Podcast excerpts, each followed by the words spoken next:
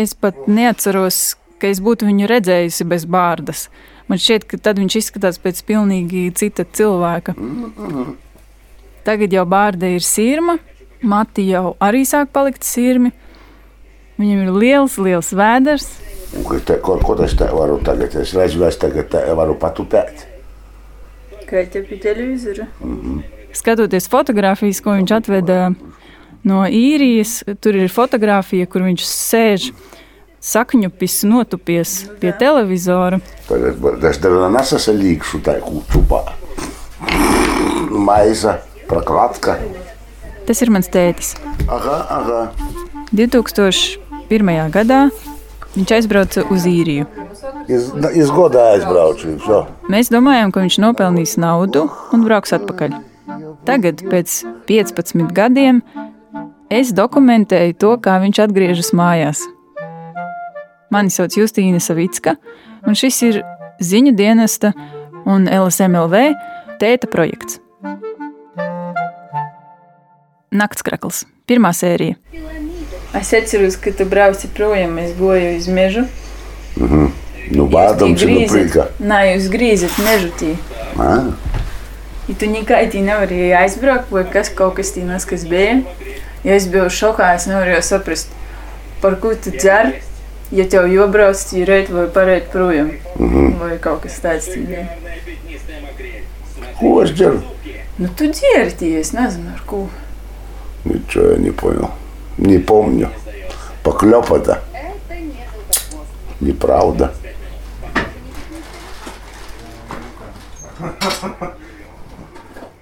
Mēs tagad viestuļus tīģeļu neskatās sūtīt. Ir apimaniši. Atvežu. Ar visam pacilujčikiem. Tik daudz pamadas pībaks tev už ir apbučotas. O! Es atceros. Naudas nav, un vairāk cigaretes nevarēja nopirkt. Pašā sākumā bija tik maz naudas viņam tur, ka mēs viņam sūtījām eh, paciņas. Nu, kaut ko garšīgu mēs likām somā un slēpām iekšā arī cigaretes. Nu, labi, es saku mēs, bet eh, to loģiski darīja mana mamma, jo gan man, gan manam brālim mēs bijām, nu, ne pavisam mazi, bet mēs bijām mazi. Un tad tā soma tika iedota kādam cilvēkam, kurš brauca uz īriju. Tur vienmēr klāt bija vēstule un fotografijas, nu, vai kaut kas cits, kas bija svarīgs, vai tajā reizē gribējās viņam to pateikt. Tu padomāji? Čuvo. Es kaut ko tādu neatceros. Tagad, lasot, mēs visi smejamies. Jo viss eh, izskatās pārspīlēti skumji, ar tādu patasu. Ak, Jēzus! Vai mēs tevi sagaidīsim, mēs ticēsim, cerēsim un mīlēsim. Bet um, tajā brīdī viss bija pavisam citādi. Tajā brīdī tam bija pamatojums. Jo tu nevari viņam piezvanīt, tu nesaproti, kas ar viņu notiek, tu nesaproti, kas ar jums te notiks. Tur bērni kaut kādi mazi vēl un tādā garā. Tāpēc viņi arī tur raksta, varbūt, eh, varbūt sagaidīsim, ja ticēsim, cerēsim, mīlēsim. Un tad ir Ojāra vāciešu dzējos, kaut ko klusiņām, klusiņām, kā krīt sniegs. Skops tu baigi. Baigi. Otrs. Dāsu mums bija. Tas ieilga. Pēc kāda gada desmitā man šķiet, ka mēs tā kā pārtraucām tam ticēt, ka viņš atbrauks. I cik tālu jums vajadzēja braukt uz darbu? Arī tā, ka jūs braucat, ja cipa palikat tī, vai Da. Arī tā, ka man draugs. uzņēmums, kurā viņš bija 15 gadus. Tas ir uzņēmums, kas būvēja sporta laukumus, brīvdabas koncertu vietas, apzaļumoja parkus. Папс не так, что шаг такая, даже горд- президента пили ar traktoru braukova. Tуда-сюда, tуда-сюда, zemi vodombi. Bet tu visu laiku tikai brauci ar to traktoru, vai vari kaut ko darīt? Visu to paķku ir citi. Nu, kā jau pirmos gadus bija pīci cilvēki brigadā, tad tu nepaspēji prostatīgi. Tev vajadzēja tikai tik bēri, bēri, bēri, bēri visu laiku. Tu saki, mm -hmm. Par to daudz cilvēku. i- I, a potom, kā mēs beidzamā godā divi tā, i, i, i, načalniks galveno, nu i šo. A par ko jūs tik maz bijat? Ko par ko? Beigās. Nu, beigās pēc, pēc 8. gada, kad tie kriziskās vocēs, tā i puši pauvaļņāļi, a dar, darīt vajadzēja tāpat. Katru gadu tur kāds kaut ko nedaudz parunāja, nu, ka varbūt vajadzētu braukt mājās. Jo tur jau laikam bija skaidrs, ka nekādu baigo naudu tur nesanāk nopelnīt, jo tā nauda tiek izlietota uzreiz. Viņš viņu atsūta, to tērē bērniem. Man vajag braukt uz skolu Daugopilī, manam brālim kaut ko vajag, vajag ēst, uzlikt mājai jumtu, sadaisīt šķūni, kurš ir nodedzis tajā pašā gadā, kad viņš aizbrauca projām. Visu laiku ir kaut kādas vajadzības. Laukumā vienmēr ir ko darīt. Nu, bērni izauga pasarīt, kādi marakīri, parčori, krasavici, krafsauci, viņš jau vaša. Es tā domāju. Kaut kad jūs sokat uzsētīs jau kaut kur, tu tik, piemēram, Dāngopilī, nu nevarā braukt atpakaļ. Nu, es tik saprotu. Galveno prioritāte Ma, bija, ma, lai ma, uzsūtīsiet. ma, tu te tagad pīstosties, ja jūs esat vainīgi visu dzīvi. Nav, pričom? Da. Nav. Nē, mēs nesajūtam vainīgi. Da? Man tagad Kur es, jūtos, nu, kā, Čo? es saprotu, ka citādi to nevarētu. Nu, mēs tik būtu bodā numuruši, ja tu nebūtu aizbraucis. Es nezinu, vai tas bija tā, ka mums nebija ko ēst, bet šobrīd visiem ir tāds, ir izveidojies tāds mīts par to viņa aizbraukšanas iemeslu. Tagad mēs esam to pieņēmuši par to īsto attaisnojumu. Bet pēdējos gados mēs vienkārši pārtraucām ticēt, domāt par to, ka tas kādreiz notiks. Tas vienkārši kļuva par, par to, kāda mūsu ģimene ir. Es aizgūstu Как умел, так и работал. par apkūpies. Mama man sacīja, ucis dēls ar lopstu vajadzēja grobt. No tā izgoja. Da.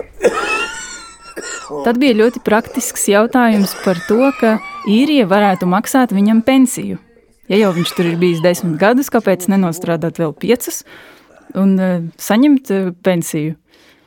Tad sākās runas par uh, Lielbritānijas izstāšanos no Eiropas Savienības. Cilvēki sāka kaut ko tur runāt par pabalstiem, un tad viņš nodomāja, ka tas kaut kādā veidā varētu attiekties arī uz īriju vai uz to viņa stāvokli tur un uz viņa pensiju, un viņš iegūta dubultu pilsonību. Tagad viņam ir eh, divas pases.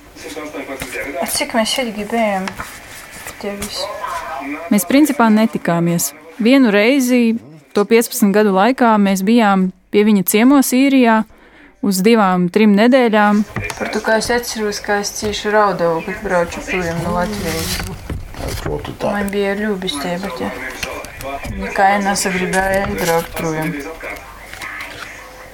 Atpakaļ mamma raudāja. Lidmašīnā. Mēs tikāmies vienu reizi gadā, kad viņš eh, brauca atvaļinājumā uz kādām trim, četrām nedēļām uz mājām. Tas parasti bija jaunais gads vai kaut kāds laiks pēc Ziemassvētkiem, pēc jaunā gada. Tur ir kaut kāda tā dāvana. Tas bija garš, puķains nakts krakls ar tādām mežģīnēm. Un es un man pat šermuļi pārskrien pāri iedomāties, ka es varētu viņu uzvilkt. Viņš man viņu dod, un es viņu redzu, ka, kas tas ir. Es paskatos uz savu mammu, un es redzu, ka viņa saprot. Nu, ko es tagad šajā brīdī domāju, ka viņa saprot. Es tur naktī paņēmu, un es viņu aizvedu uz Rīgu uz mājām, un es viņu ieliku skapī, un es nebiju spējīga savam draugam parādīt, nu, vai pateikt. Jo parasti šādus kaut kādus sīkumus, nu, visi kaut kā tur garām ejot, kaut ko tur pasaka, nu, tur tam man tur tas vai tur kaut kas tāds, bet es viņu slēpu tā kā tādu lielu briesmīgu lietu. es viņu noliku tajā skapī, un tā viņš man tur stāvēja. Bet tā šausmīgā sajūta jau nav par to, ka tas naktas ir briesmīgs, bet par to, ka e, mēs viens otru nepazīstam. E, Man bija kauns, ka nu, mēs esam tagad tādi kā svešinieki. Nav jau tā, ka es nezinu, kāda ir jau mēta. Es ne, arī nezinu, kas tas tāds ir. Un tas ir ļoti interesanti, ka jo tālāk cilvēks ir un jo ilgāks tas laiks ir pagājis, jo normālāk šķiet, ka mēs nesazināmies. Jo tad, kad viņš atbrauca uz tām pāris nedēļām, tad sākumā ir dīvaini, ka ir kaut kāds svešs cilvēks mājās, Bet tad, kad tu jau pierodi, ka viņš šeit ir, tad uzreiz ieslēdzas doma, ka viņš tūlīt brauks prom. Un tūlīt viss būs tāpat, kā bija iepriekš, un patiesībā tieši tā arī bija. Tajā brīdī, kad viņš ir šeit, vajadzība sazināties, runāt, atkal iekļūt vienam otra dzīvē, ir ļoti liela. Jo tad to trūkumu, kaut kā to visu laiku, kas ir bijis, viņu var just, viņu atkal var just. Bet tad, kad viņš aizbrauc, paiet pāris dienas, kurās ir tāda ilūzija, šoreiz viss būs citādi. Es viņam zvanīšu, vai es biežāk rakstīšu, un tad arī viņš man biežāk rakstīs. Bet tas nekad nenotika. Vienu reizi, divas reizes, Un tad viss. Не соизволите ли мне хельпануть немножко? Соизволю. Чего? Mēs neredzu tā sašķībni. Skatāmies bildes. Tagad redzu. Nifīga čebi. Čepļiši vecais. Mm. Tētis vēl ir tievs? Aite, kas pa dzēčku. Nu, tu, tu? Jā. Puika. Labi, Ite, kas ir Ite, mums kāda pirmo reizi, kad tu atbrauci iz sātu, bet džeks tieši liels To tāds. lielo jau. А эти от Джеку Касти по тетку. Moģi tev brīn. Tādi poši kā man. nu, skaidri, Rīži man bija. pīkrosoti tie augšā. Rīži bija. Čudni. Katrā tajā atbraukšanas reizē mēs atkal atcerējāmies to iemeslu, vienu no iemesliem, kāpēc viņš aizbrauca prom. Jo ir kaut kāds brīdis, kaut kādas dienas, kad šķiet, ka viss ir normāli, ka viņš ir spējīgs izturēt bez alus pudeles visu to laiku, bet beigās mēs saprotam, ka nē. Acīm redzot, toreiz bija tā sajūta 2001. gadā, ka nu var braukt un kaut kas ir jādara, jo tur nebūs labi. Ka nebūs darba, cilvēks nodzersies. Un es atceros to kastroļu skaņu, kad viņš atnācis mājās, neviens ar viņu nerunā, sagribas ēst, un tad viņš iet un viņš grabina tos kastroļus. Un noteikti bija reizes, kad es, kad es cerēju, ka viņi izšķirsies. Un tad tā viņa aizbraukšana savā ziņā ir arī tāds glābiņš. Man par to nav īpaši jādomā. Par to vairāk domā mamma. Tajā brīdī, kad viņa viņam zvana, prasot, vai viņš atsūtīs naudu, vai neatsūtīs, vai kas ar viņu notiek, vai tad tā viņa aizbraukšana, atkal aizbraukšana atpakaļ savā ziņā ir arī tāds kā no atvieglojums. Sanāk, ka tā katru reizi ir jauna vilšanās viņa atbraukšana uz mājām atvaļinājumā ir kā, prieks un reizē vilšanās. Didotie. Nu, varēja kā teikt, nu paši vainīgi.